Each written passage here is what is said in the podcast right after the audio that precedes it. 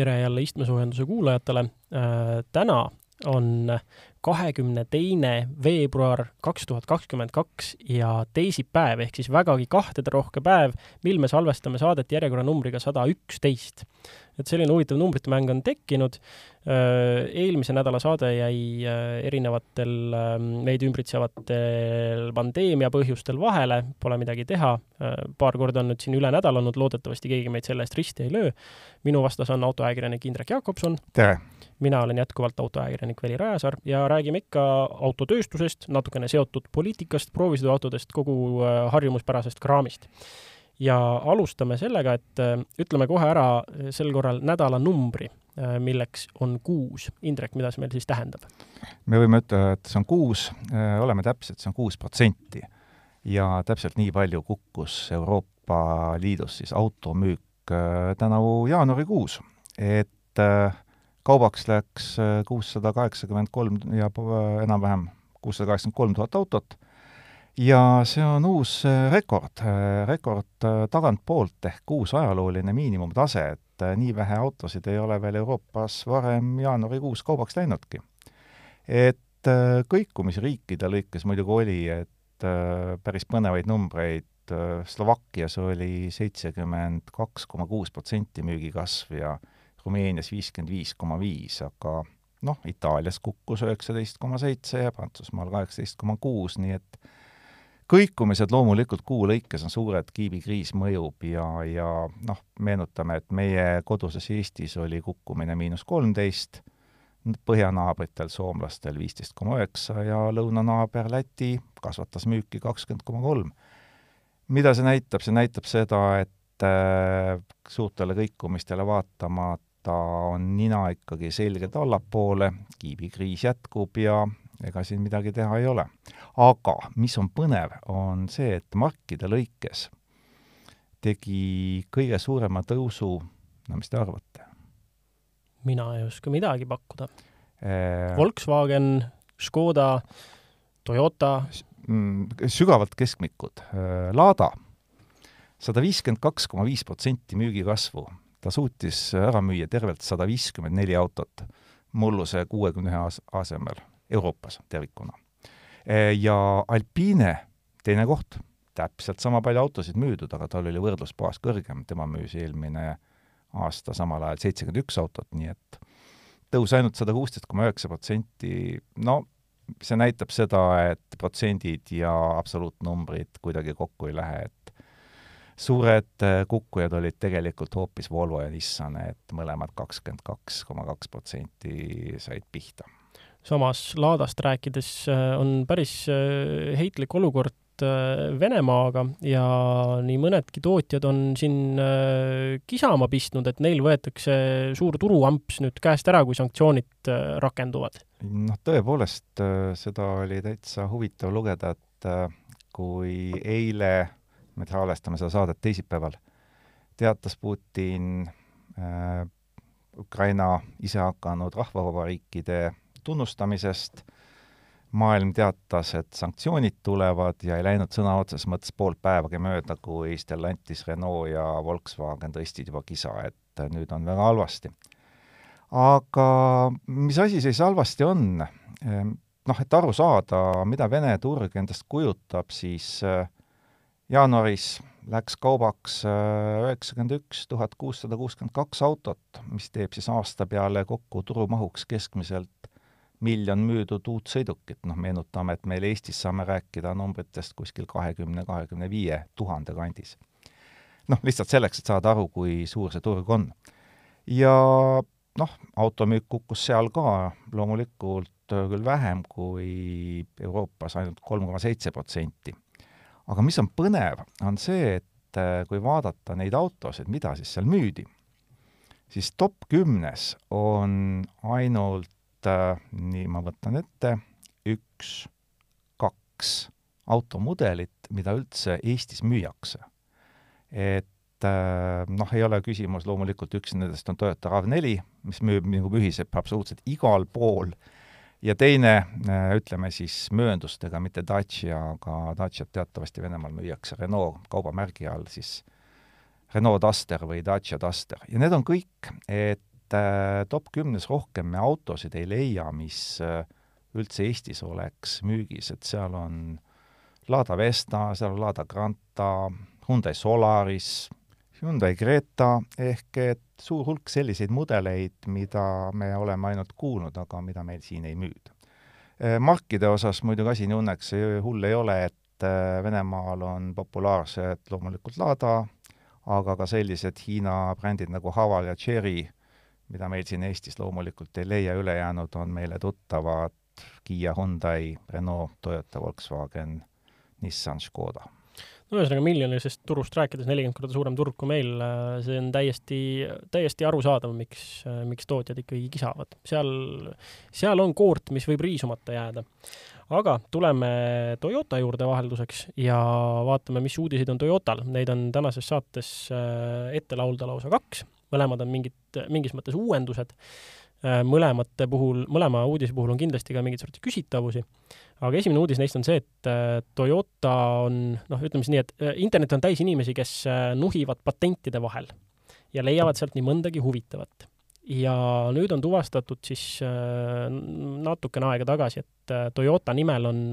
peaaegu kümme erinevat patenti, mis käivad elektriautode kohta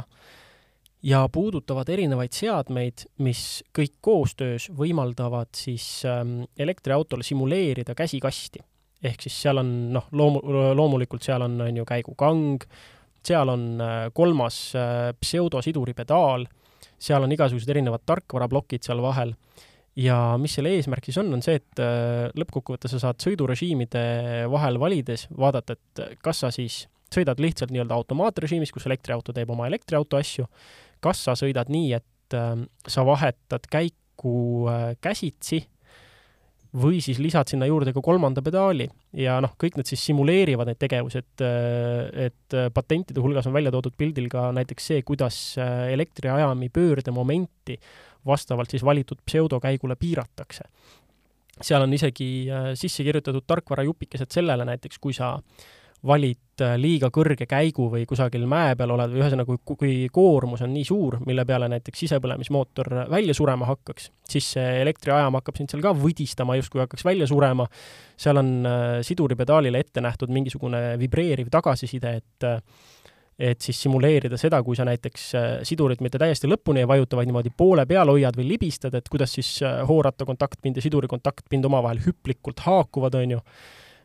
üks karjuv puudujääk seal muidugi on. Jah, et puudu on see, et libiseva siduri haisu sõitjate ruumi paiskav seadeldis puudub. jah, et see on täiesti ebaterv-, ebaterviklik lahendus paraku. ja nagu sellepärast on küsimus, et äh, kas selline asi ikka, poolik lahendus saab üldse tootmisesse minna, et äh, praegu tundub küll, et tegemist on lihtsalt turunduskulude rea tühjendamisega. aga tegelikult muidugi on, noh, see on, see, ütleme siis, petroseksuaal minus kiidab sellise lähenemise heaks, see on midagi, mis lisaks elektriautole iseloomu, aga elektriautosid on niikuinii ideeautosid paaritatud siis päris käsikastidega, kas või Opel Manta E on ju, millel on neljakäiguline käsikast elektriajamile külge pandud. tõsi on, tegu on ideeautoga. Äh, Ford Mustangist oli versioon, millele jäi külge kuuekäiguline käsikast mis siis, mis siis on viga päris korralikel hammasratas vastu hammasratast ülekannetel? miks meil on vaja simuleerida ja piirata elektriajami pöördemomenti mingisuguse tarkvaraga? aga sellepärast, et kui sa tahad selle masstootmisesse anda, siis sul ei õnnestu seda müüa rohkem kui paarkümmend mudelit nendele petroseksuaalidele, sest ülejäänud inimesed kasutavad niikuinii automaatkäigukasti ja neil on täiesti ükskõik, kas seda automaatkäigukasti puhul mis seal taga tegelikult toimub noh, sellel on kasutusvaldkond, võiks olla muidugi näiteks äh, sõiduõpilastele, noh, sõidu õppimiseks autod näiteks. aga ikkagi see on jällegi üks nendest asjadest, mis tõenäoliselt on oma tunnetuselt lõpuks nii kliiniline ja vati sisse mässiv, et see ei meenuta kuidagiviisi päris asja. et noh, ma lihtsalt seostan seda näiteks, kui, kui kuulajad on sõitnud mõne sõidusimulaatoriga või kas või arvutiga, kus sul on äh, mingisugune pedaalikomplekt juurde pandud koos rooliga, et noh, need, need pedaalid on ju tegelikult surnud. sa ikkagi nagu täiesti, seal puudub igasugune tagasiside, seal on selline vaakumitunne, sa võid seal mingeid vedrusid ja vastusurva asju panna, äh, aga ütleme, selline tavatarbijale kättesaadavas hinnaklassis äh, pedaalikomplekt ei ole kunagi sellise hea tagasisidega, see on ikka niisugune vaakumimaigune. et kui sa tahad mingeid Fanateci või ma ei tea, mis asjade tootjate eriti ägedaid õige vastusurvega pedaale, siis nad ikkagi maksavad suhteliselt hingehinda. Et ma kahtlustan, et seal elektriautos võib, võib sarnane niisugune vaakumitunne tekkida, aga noh, mul ongi nagu keeruline omalt poolt öelda, et kas see on nagu samm õiges suunas või see on lihtsalt mingisugune ärategemine ja lahendus probleemile, mida isegi ei ole veel olemas juba. et äh, ühelt poolt oleks ju nagu tore, okei okay,, sa saad neid käike käsitsi läbi sõuda, meenutus vanadele headele aegadele, või siis teine variant on astuda veel samm edasi ja võtta nüüd ette see teine Toyota uudis. me oleme ennegi saates rääkinud, et Toyota tegeleb ju vesinikuga mitte ainult vesinikelemendi kontekstis, vaid ka vesinik sisepõlemis- või vesinikpõlemismootorite kon-, kontekstis ja nüüd on Yamahaga koostöös ette võetud äh, Lexustel kasutatav viieliitrine V8 ja see kohandatud siis vesinikku põletavaks ja noh, selle külge hakkab ikkagi käima päris füüsiliste ülekannetega kast, tõenäoliselt küll mitte käsikast, aga, aga sellegipoolest äh, tegu saab olema ikkagi lahendusega, mis äh, ei ole sünteetiline, vaid äh, ikkagi ütleme, üpris analoogelamus aga mis staadiumis see mootor praegu on, et kas ta on samamoodi patentjoonised või on olemas mingisugune eksperimentaalseeria juba? Äh, selle kohta täpsem info puudub, seda on teada, et füüsilised eksemplarid on olemas. ikka aga... nii, et midagi on olemas, jah? jah, et see ei ole ainult patendi kujul, äh, selle mootori puhul näiteks praegu see staadium, mis on lekitatud internetti, äh, selle puhul on näha näiteks väga huvitav väljalaskekukollektor, mis tuleb siis, kui me nüüd visualiseerime V8-t, ja võtame siis väljalaskekukollektorid, mis tihti on siis nii-öelda mootori selle V-tähe külgede allpool välja tulevad, siis sellel tulevad nad kõik koos ülevalt kokku ja see on selline kaheksa-üheks disainiga kollektor. näeb väga niisugune, ütleme, tulnukalik välja, väga huvitav lahendus, aga inseneride sõnul pidavat see tegema väga isikupärast ja sellist kõrget häält ja ka mootori äh, karakter pidavat olema natuke andestavam kui bensiini põletaval äh, versioonil samast mootorist, mis, olles seda kogenud, on väga, niigi juba väga lineaarne elamus, aga insenerid ütlevad, et vesinikku põletavana siis noh, ta annab välja nelisada viiskümmend viis hobujõudu, muidu tavaversioon on, oligi vist täpselt viissada hobust. et äh, vesiniku versioon pidavat olema veelgi lineaarsem ja andestavam selles mõttes just, et seda ei pea äh, erinevate elektrooniliste lapsehoidjatega nii hullult vaos hoidma kui, kui bensiinipõletajat. eks ootame ära, sest ühest küljest on selge, et vesinik on vaieldamatult äh, üks kahest tulevikukütusest elektri kõrval ja ega nendest säästvat, keskkonda säästvatest mudelitest meil pääsu ei ole. iseküsimus on muidugi see, et kui hästi see mootor hakkab ekspluatatsioonis vastu pidama, milliseks muutuvad ekspluatatsioonikulud, et noh, need on kõik asjad, mida me veel ei tea ja me ei oska praegu aimata, mis võivad nõrgad kohad seal ette tulla. aga noh, loodame parimat, ütleme nii. jaa, no Yamaha on äh, eelnevalt Kawasakiga koostööd teinud ja tegelikult äh, isekeskis arendanud äh, vesinikpõlemismootoreid juba viis aastat, nagu välja tuleb, see tuli mulle üllatusena näiteks, kui ma seda uudist lugesin. et noh, mingisugust testimist on ikkagi käinud ja ega nad seda edasi ei arendaks, kui ei oleks potentsiaali ka laia tarbekasutuseks. et äh, minu ootused on jätkuvalt nende vesinikpõlemismootorite osas kõrgel. Et see on see üks väheseid viise jätkata seda praeguste entusiasti ja sportautode elamust ja pakkuda seda ka tulevikus keskkonnasõbralikult. või siis teine variant, mida teha, on võtta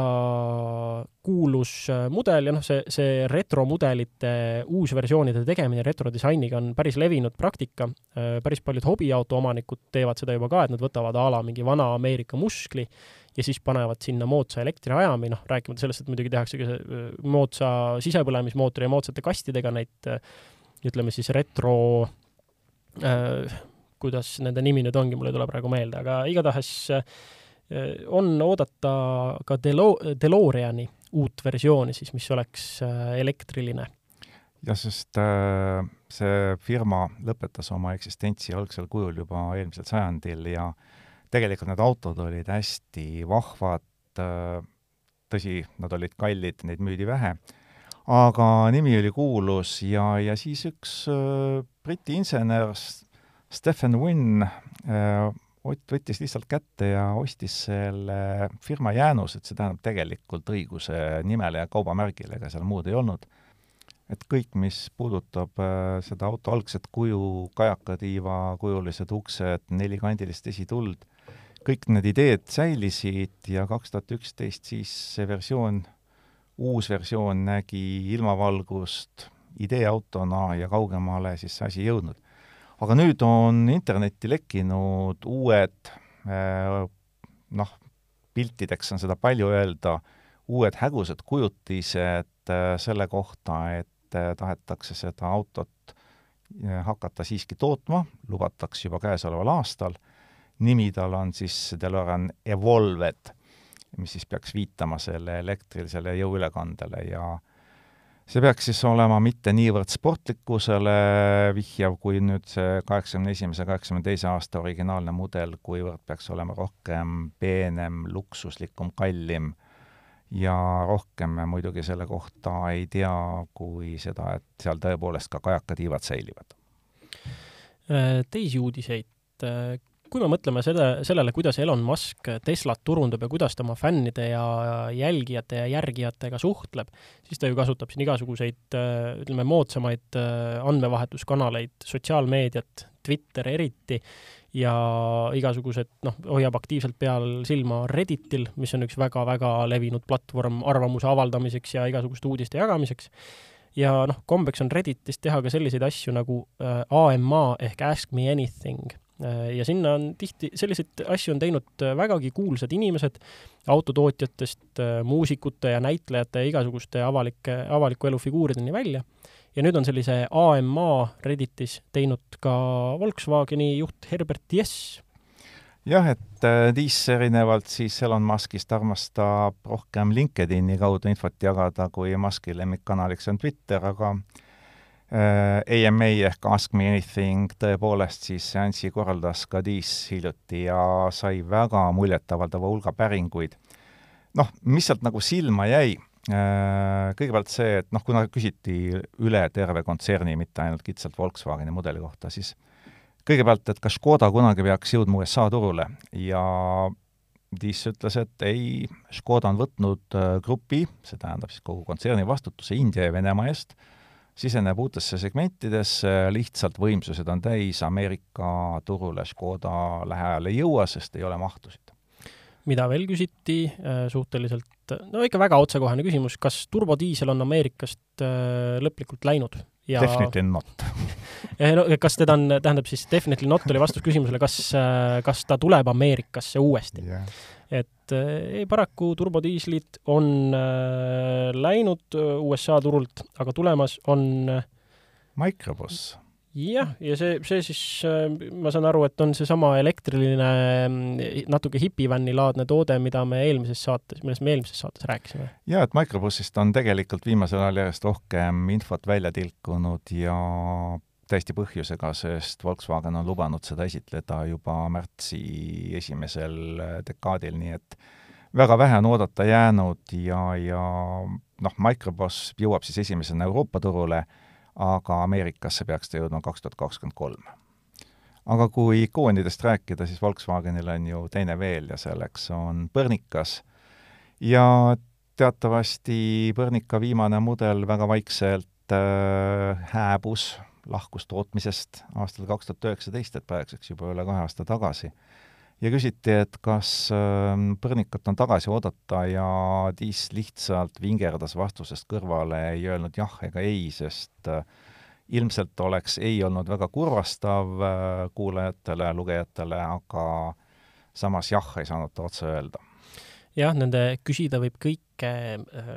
ütleme siis seansside puhul on see täiesti võimalik, et mingitest asjadest vingerdatakse paraku kõrvale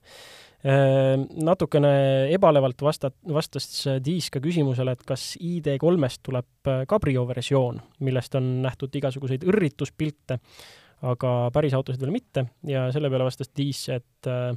firma töötab uue idee kallal. et jälle natuke sihuke, ütleme, vingerdav. Jah, et äh, ta ei öelnud, et ei tule, aga noh, lähiajal ilmselt mitte, sest pilte võib joonistada, aga proovi sõiduks kas või maskeeritud autosid oleks tänaval siis juba näha olnud ja neid mitte ei ole.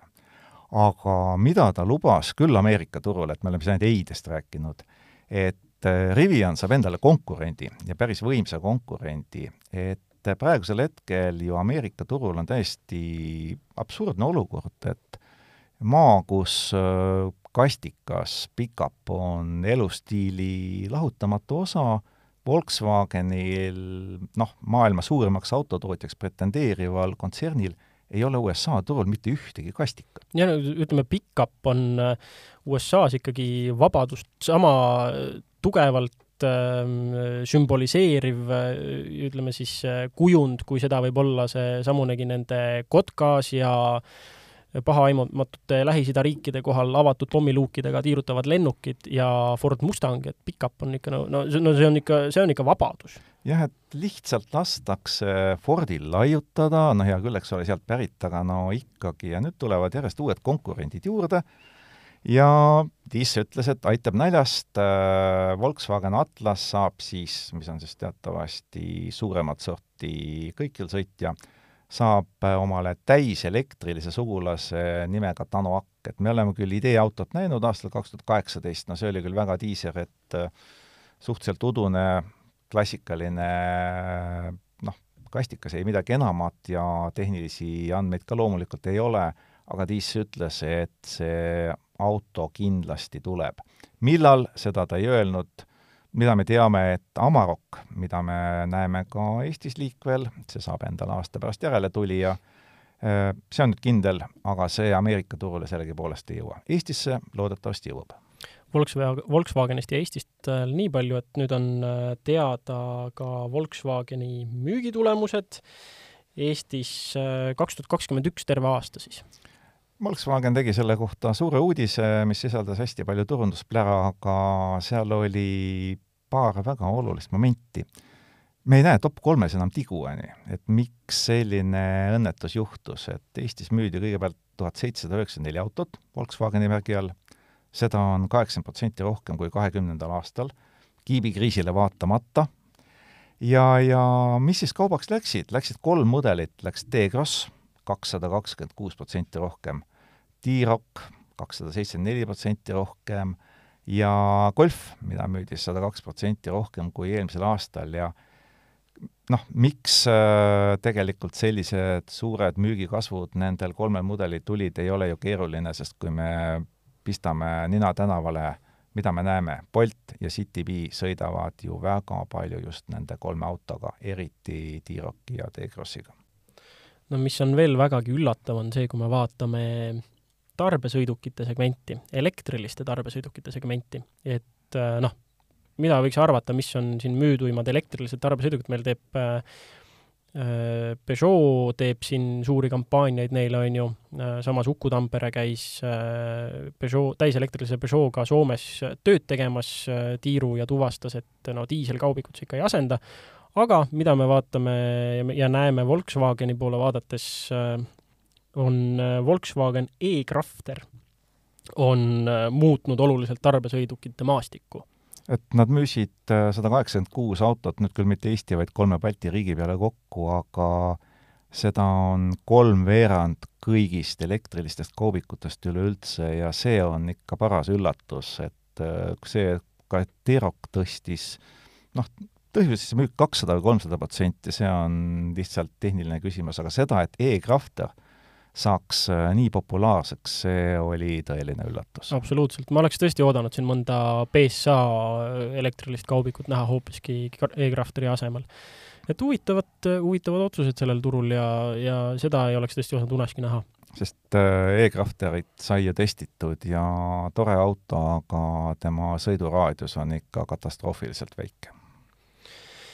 järgmiseks äh, Mazda uudist. Mazdast pole nüüd äh, nii mõnigi saade juttu olnud äh,. paar korda oleme rääkinud CX kuuekümne tulekust, nüüd on avalikustatud ka pilte. et nüüd on tegemist tõepoolest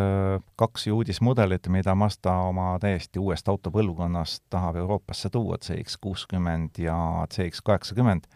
esimene on siis natukene väiksem, CX kuuskümmend ja mis siis selle juures nagu olulist on, kuigi Mazda väga, väga vähe tahab tehnilisi detaile avalikustada, aga kuna pildid on juba hästi selged, siis kõigepealt äh, see auto on uuel platvormil ja see on tagaveoline platvorm ja see muudab äh, väga oluliselt hästi paljusid asju. See muudab kõigepealt tema välimust, sest äh, selle huvitavaid omadusi on noh, kuna tegu on klassikaliselt paigutusega autoga, siis on tema proportsioonid teistsugused. ja mis kõige olulisem, pikk kapott ja suhteliselt lühike esiratastest ettepoole ulatuv osa ja ikka väga muljetavaldav vahemaa esiukse ja rattakoopa vahel et seda kutsutakse slängis ka prestiiži kauguseks ja noh, tõepoolest, võtke jälle ette, vaadake, milline näeb välja üks kaubik ja siis te näete, et see uks ongi vastu rattakoobast ja siis vaadake näiteks sedasama CX kuuekümne ühte eelkäijat CX viite ja te näete pikka etteulatuvat osa ja suhteliselt lühikest seda kaugust ja noh, siis meenutame, milline näeb Volkswagen ID3 välja ja siis mõtleme edasi, et kus see prestiiž on. et äh, jätkuvalt Mazda on aru saanud, et äh, auto välimusel on teatud klassikalised jooned olulised. räägime kapotialusest ka äh,, see saab olema esimene pistikhübriid Mazdalt, millel on kahe poole liitrine bensiinimootor ja see on siis kombineeritud loomulikult elektriajamiga ja see peaks tulema kusagil võimsuselt alla kolmesaja hobujõu, mis on täitsa arvestatav ja kui me nüüd vaatame, et äh, tagaveoline ka, et siis see võiks täitsa adekvaatne olla. Ja lisaks säilib ju unistus, et võib-olla vähemalt mõnel turul tuleb ka rida kuus kapoti alla, aga Euroopas äh, noh, on see natukene kahtlane. aga Mazda on väga tagasihoidlik tehniliste detailide avaldamisel. jah, noh, nad ei ole ju siiamaani avaldanud ka tehnilisi detaile oma selle vankelmootori, äh, vankelmootorist sõiduulatuse pikendaja kohta, mis osadele, osadele mudelitele tuleb ja see on täiesti kinnitatud, et ta tuleb, et äh, samas Mazda ikka väga huvitavat moodi ujub vastu voolu, et seda, et need veel vankelmootorit elustama hakkavad, seda me ei, ei oleks elu sees oodanud, osa, osanud oodata. Ja sellise, noh, CX kuuskümmend ei ole ju ikkagi konkurent äh, Audi Q5-le või siis sama suurusklassi Mercedes-Benzile et sinna teha tagaveoline platvorm ja hakata selle peal laiatarbeturgu vallutama, see on suhteliselt julge lähenemine, aga minu meelest väga äge. no kui hästi läheb, siis juba naistepäeval näeme seda ägedust. aga järgmiseks Renault ja ka Renault võttis oma möödunud aasta kokku ja väga oluline on märkida, et kuigi Renault on eelnevad kaks aastat olnud kahjumis, siis kaks tuhat kakskümmend üks suudeti hoolimata koroonast äh, ja kiibikriisist ikkagi äh, kasumisse tulla, et kuigi müügimaht on küll kolmandat aastat järjest langenud, siis jõuti kasumisse ikkagi, et ju see on siis see, et nad on lihtsalt suurema marginaaliga masinaid müünud ja meie oleme selle nende kasumi siin kenasti kinni maksnud. jah, sest lõpptarbija on see, kes lõppude lõpuks selle kinni maksab, aga loomulikult ei olnud Renault tegevjuht ainukene, kes nii tähtsat uudist kommenteeris, et et äh, nii tähtsa sõnavõtu puhul siis äh, andis ka Le Cost Killer äh, Carlos Cost kommentaari Päevalehele pariislane, ma ei hakka seda prantsuse keeles välja hääldama, ja tema oli küll väga pessimistlik ja ütles, et tal on kurb vaadata, et Renault on ainult vari oma endisest olemusest ja et autotootja probleemid ongi tulenevalt mahtude võidujooksust, et on väga ebasündsad ja nad oleks võinud midagi peenemat välja mõelda, aga ja, ja Kosn oli olemuslikult kriitiline praeguse tegevjuhi suhtes, Luca de Meo, kes on siis praegu juhib Renault, et äh, tema strateegia on väärtus üle mahu, value over volume, et äh, Renault on ilmselt selg-, ilmselgelt liikumas praegu kvaliteedi ja oma autode väärtuse tõstmise poole ja noh, meie meelest on Renault õigel teel, arvaku kost, mis tahab patentidest äh, varem saates juba juttu oli, nüüd räägime patentidest Fordi kontekstis. et Ford on olnud ka väga aktiivne patentide äh, patenditaotluste esitamisel ja fännid avastasid nüüd äh, Lightning Ownersi foorumis, et Ford on loonud sellise asja nagu lemmikloomarežiimi sellele patendi võtnud, et autovõtmel on spetsiaalne nupp ja siis, kui selle peale vajutada,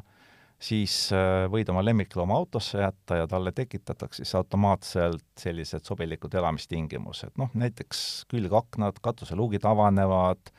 kui on võimalik äh, kliimaseadet tööl hoida, siis see seatakse sobivale temperatuurile. Ja kui arvad, et äh, oled liiga kaugel ja loomakene tahab jalutada, siis vajutad nupule, uks avaneb, loom saab autosse, loom saab autost tagasi. Ja mis põhiline, see kõik käib ühe nupule vajutusega ainuke, mida see patent ei sisalda, on autosse paigaldatud niisutussüsteemi, et loomake võiks ka veel nagu värsket ja külma vett kohe autos juua, mitte ei peaks selleks välja minema. see on samm edasi paari aasta tagusest lahendusest, oli vist Nissan X-Trail, millel oli eriversioon äh, koeraomanikele, millest me isegi Acceleristasse väikese videolookese tegime. et seal olid mingisugused igasugused asjad, et a la koerale auto pagasnikusse jalutamise välja käiv niisugune tee, noh, kaldtee ja mingisugused äh, oh issand, seal oli igasuguseid mingeid huvitavaid lahendusi, aga no see selleks, ühesõnaga see on samm edasi, aga läheme nüüd äh, Fordi juurest Porsche juurde ja Porschega seonduvalt on meil see saade ka kaks uudist. esimene neist äh, puudutab uudismudelit, mis tegelikult ei ole midagi muud kui äh, veel üks täht, mis nomenklatuuri lisandub ja seekord mudelile Macan tuleb ka T-tähega versioon, Macan T, mis peaks siis olema äh, agiilsem ja eksklusiivsem. et sellest nomenklatuuri asjast, sellest võiks eraldi lausa loo kirjutada, et nagu me oleme eelnevates saadetes ka rääkinud, siis üldiselt mida rohkem R-tähti on mudeli nimes või lisatud R mudeli nime lõppu, seda sportlikum ta on, mida rohkem on elektriautosse lisatud X, Y, Z äh, tähti, seda sportlikum elektriauto see tõenäoliselt on. nüüd me siis saime tänu Porschele teada, et T-täht tähendab siis agiilsust ja eksklusiivsust aga see on ju väga õige, sellepärast et äh, noh, bensiini joovaid makaane enam kaua ei tehta, seda me teame, kes seda süsinikutrahvi ikka jõuab kinni maksta, ja järelikult ongi tegemist eksklusiivse autoga. aga noh, kui asja veidi sissepoole vaadata, siis noh, tegelikult lihtsalt Bosch analüütikud avastasid, et Makani ja Makani S vahel vedeleb natukene raha maas ja see tuleb üles korjata ja selle jaoks see Macan D tehti, et ega väga palju seal muudetud ei ole, mootor on täpselt seesama, mis kõige lahjemal Macanil, lihtsalt standardis on aktiivedustus, clearance on lastud viisteist sentimeetrit madalamaks ja noh, see aktiivedustus võimaldab seda siis veel natukene madalamaks lasta. ja noh, salongis, ümber salongi hästi palju igasugust kilu-lilu, kiirusele, mugavusele see juurde ei anna, aga kallimat hinda kindlasti õigustab ja, ja nüüd, kui natuke sellest Porsche nomenklatuurist rääkida, siis noh, neil on igasuguseid asju, neil on kas või üheksa üks ühest on ju Carrera siin äh, neli S-id ja GTS-id ja noh, loomulikult siis üheksa üks ühtede igasugustele, igasuguste GT3 ja kaks versioonid välja, pluss siis veel RS-id ja et neid tähti ikka jagub, see T-täht ajalooliselt Porsche puhul tähendab siis tuuringut ja see oli esimest korda kasutusel äh, tuhande üheksasaja kuuekümnendatest ja seda ikkagi on seni kasutatud äh, kaheukseliste mudelite kohta, et nüüd Macan T oleks siis esimene neljaukseline või siis mööndustega viieukseline mudel, mis selle endale külge saaks. jah, aga arvestades seda, et Macan on äh, enim müüdud Porsche mudel, siis äh, järelikult see vajab ka väga mitmekesist kujundust, ma mõtlen just turunduse poole pealt. ja teine Porsche uudis on ühtlasi ka nädala börsiuudis. nimelt käivad Volkswagen AG ja Volkswagen Grupi suurima osaniku äh, Porsche SE vahel läbirääkimised, äh, mille teemaks on Porsche AG, nüüd ärme aja sassi, Porsche SE äh, ja Porsche AG on kaks eraldi firmat siis. Porsche AG on siis see, mis päriselt ka Porschesid toodab, et nüüd läbirääkimiste eesmärk on jõuda selleni, et äh, Porsche AG aktsiad esmakordselt siis turule paisata. et see oleks äh, tervele Volkswagen Grupile hea rahasüst, sest et kuna neil on kogu see osanike süsteem see võrk on nii tihe ja keeruline, siis neil on raske raha kaasata näiteks samamoodi nagu, või sama lihtsalt ja hõlpsalt nagu, äh, nagu Teslal näiteks. siis neile oleks see hea võimalus korraga saada selline suur rahasüst et teha edasi oma arendusi ja elektrifitseerimisele keskenduda. ja Porsche samas saaks sellest siis äh, mingit sorti äh, suuremat äh, iseseisvust. aga noh, jällegi läbirääkimised alles käivad, nad on jõudnud selle nii-öelda raamlepinguni, et mil-, mille alusel siis edasi liikuda. aga jällegi arvestades, kui keeruline on kogu see seos Volkswageni ja Porsche vahel, noh, tuletame meelde, et kümmekond aastat tagasi ju Porsche üritas tervet Volkswagen Gruppi üle võtta ja seda peaaegu edukalt ja siis läksid asjad natuke pahupidi ja Porsche sai osaks Volkswagenist, et noh, see selleks, aga seal ju Porsche ja Piechi perekonnad on äh, igatepidi mõlemad ühe jalaga ühes, teise jalaga teises ja see on ikka korralik selline rägastik äh, otsustajate mõttes. et äh, näis, mis sellest saab, aga Bloombergi hinnangul peaks, äh, kui aktsiad turule tulevad, siis Porsche koguväärtuseks peaks tulema kusagil kuuskümmend kuni kaheksakümmend viis miljardit eurot, mis on täitsa arvestatav amps, arvestades, et Volkswagen AG väärtuseks hinnatakse hetkel sada kaksteist miljardit eurot. aga siit tundub ka praegu natukene väljapaistvat äh, Stuttgardi konkurendi kõrvad, et rääkisime sügise poole ühes saates sellest, et Daimler lööb ju oma firma samuti kaheks veoautodivisjon, sellest saab täiesti omaette börsiettevõte Daimler Trucks ja sõiduautod jäävadki Mercedes-Benz Cars, nii et äh, suhteliselt sarnane mudel tundub siit välja paistvat. aga börsiuudise juurest läheme otse nädala proovisõiduauto juurde, mis on ikka täitsa teist masti masin kui äh, seni äh, räägitud Porsched. sel korral oli proovisõiduautoks hoopis Suzuki S-Cross, mis on siis äh, selline väike maastur ja sellega oleme sõitnud nii Indrek kui mina, kuigi mina paraku sain, mul õnnestus suhteliselt vähe sellega sõita, nii et ma jällegi kehastun küsimuste küsija rolli ja Indrek siis rohkem vastab. aga mis see S-Cross endast üldse kujutab, tegelikult ju ka Accelerista portaali ja sinu kui autoajakirjaniku ajaloo mõttes on see auto sinu jaoks ju olulisel kohal? jah, et sellest autost sai kirjutatud ka täpselt viis aastat tagasi, kui ma ei eksi, oligi vist kahekümne teine veebruar või kahekümne esimene. et äh, Suzuki S-Cross on äh, siis äh, praegusel hetkel kolmas põlvkond autost, mis alustas hoopis Suzuki SX4 nime all, seda müüdi Eestis, seda toodeti Ungaris. Ja see oli selline pisut kõrgem, no üheksateist sentimeetrit on tõesti korralik clearance tegelikult, noh, ta ei olnud päris Civic hakatiseks on teda nagu palju nimetada, kaks mootorit oli, ühe koma kuuene tuli siis ka nelikuga, ühe koma viiesele sai ainult esivedu, väike, lihtne, paari üksiku tüüpveaga suhteliselt äh, odav ja mõistlike ülalpidamiskuludega auto. ja siis äh, noh, aastad läksid, oli vaja uuendada ja teine põlvkond äh, tuli siis juba hoopis teistsugune välimuselt, ehk siis sellele anti nimeks Suzuki S-Cross ja seda nimetati erinevatel turgudel igate moodi, mõnel turul jäi ta SX4-ks, mõnel turul pandi talle siis kõik nimed, mis juurde andis panna, et SX4 S-Cross, et võimalikud variatsioonid. ja see oli selline noh, natukene kõrgemaks tõstetud äh, katusega ja natuke kõrgemaks tõstetud põhjaga universaal ja kui see kümnendi alguses välja tuli, siis noh, tema välimus oli selline, et no temast ikka jalutati salongis lihtsalt mööda, sest äh, ta ikka ei olnud kohe üldse apetiitne. aga noh, natuke hakati seda viga parandama ja mudeli värskendusega, näo värskenduseks õigem öelda, siis äh, seitsmeteistkümnendal aastal tuli täitsa juba noh, peale vaadata kannatav autokene ainult et tal oli üheliitrine kolmesilindriline mootor, mis oli ilmselgelt lihtsalt lahja nii esi- kui nelikveolisega, sest sellele autole anti alati nelikvedu, mis oli nagu hästi hea, no Suzuki nimetab ennast ju nelikveo eksperdiks. Äh,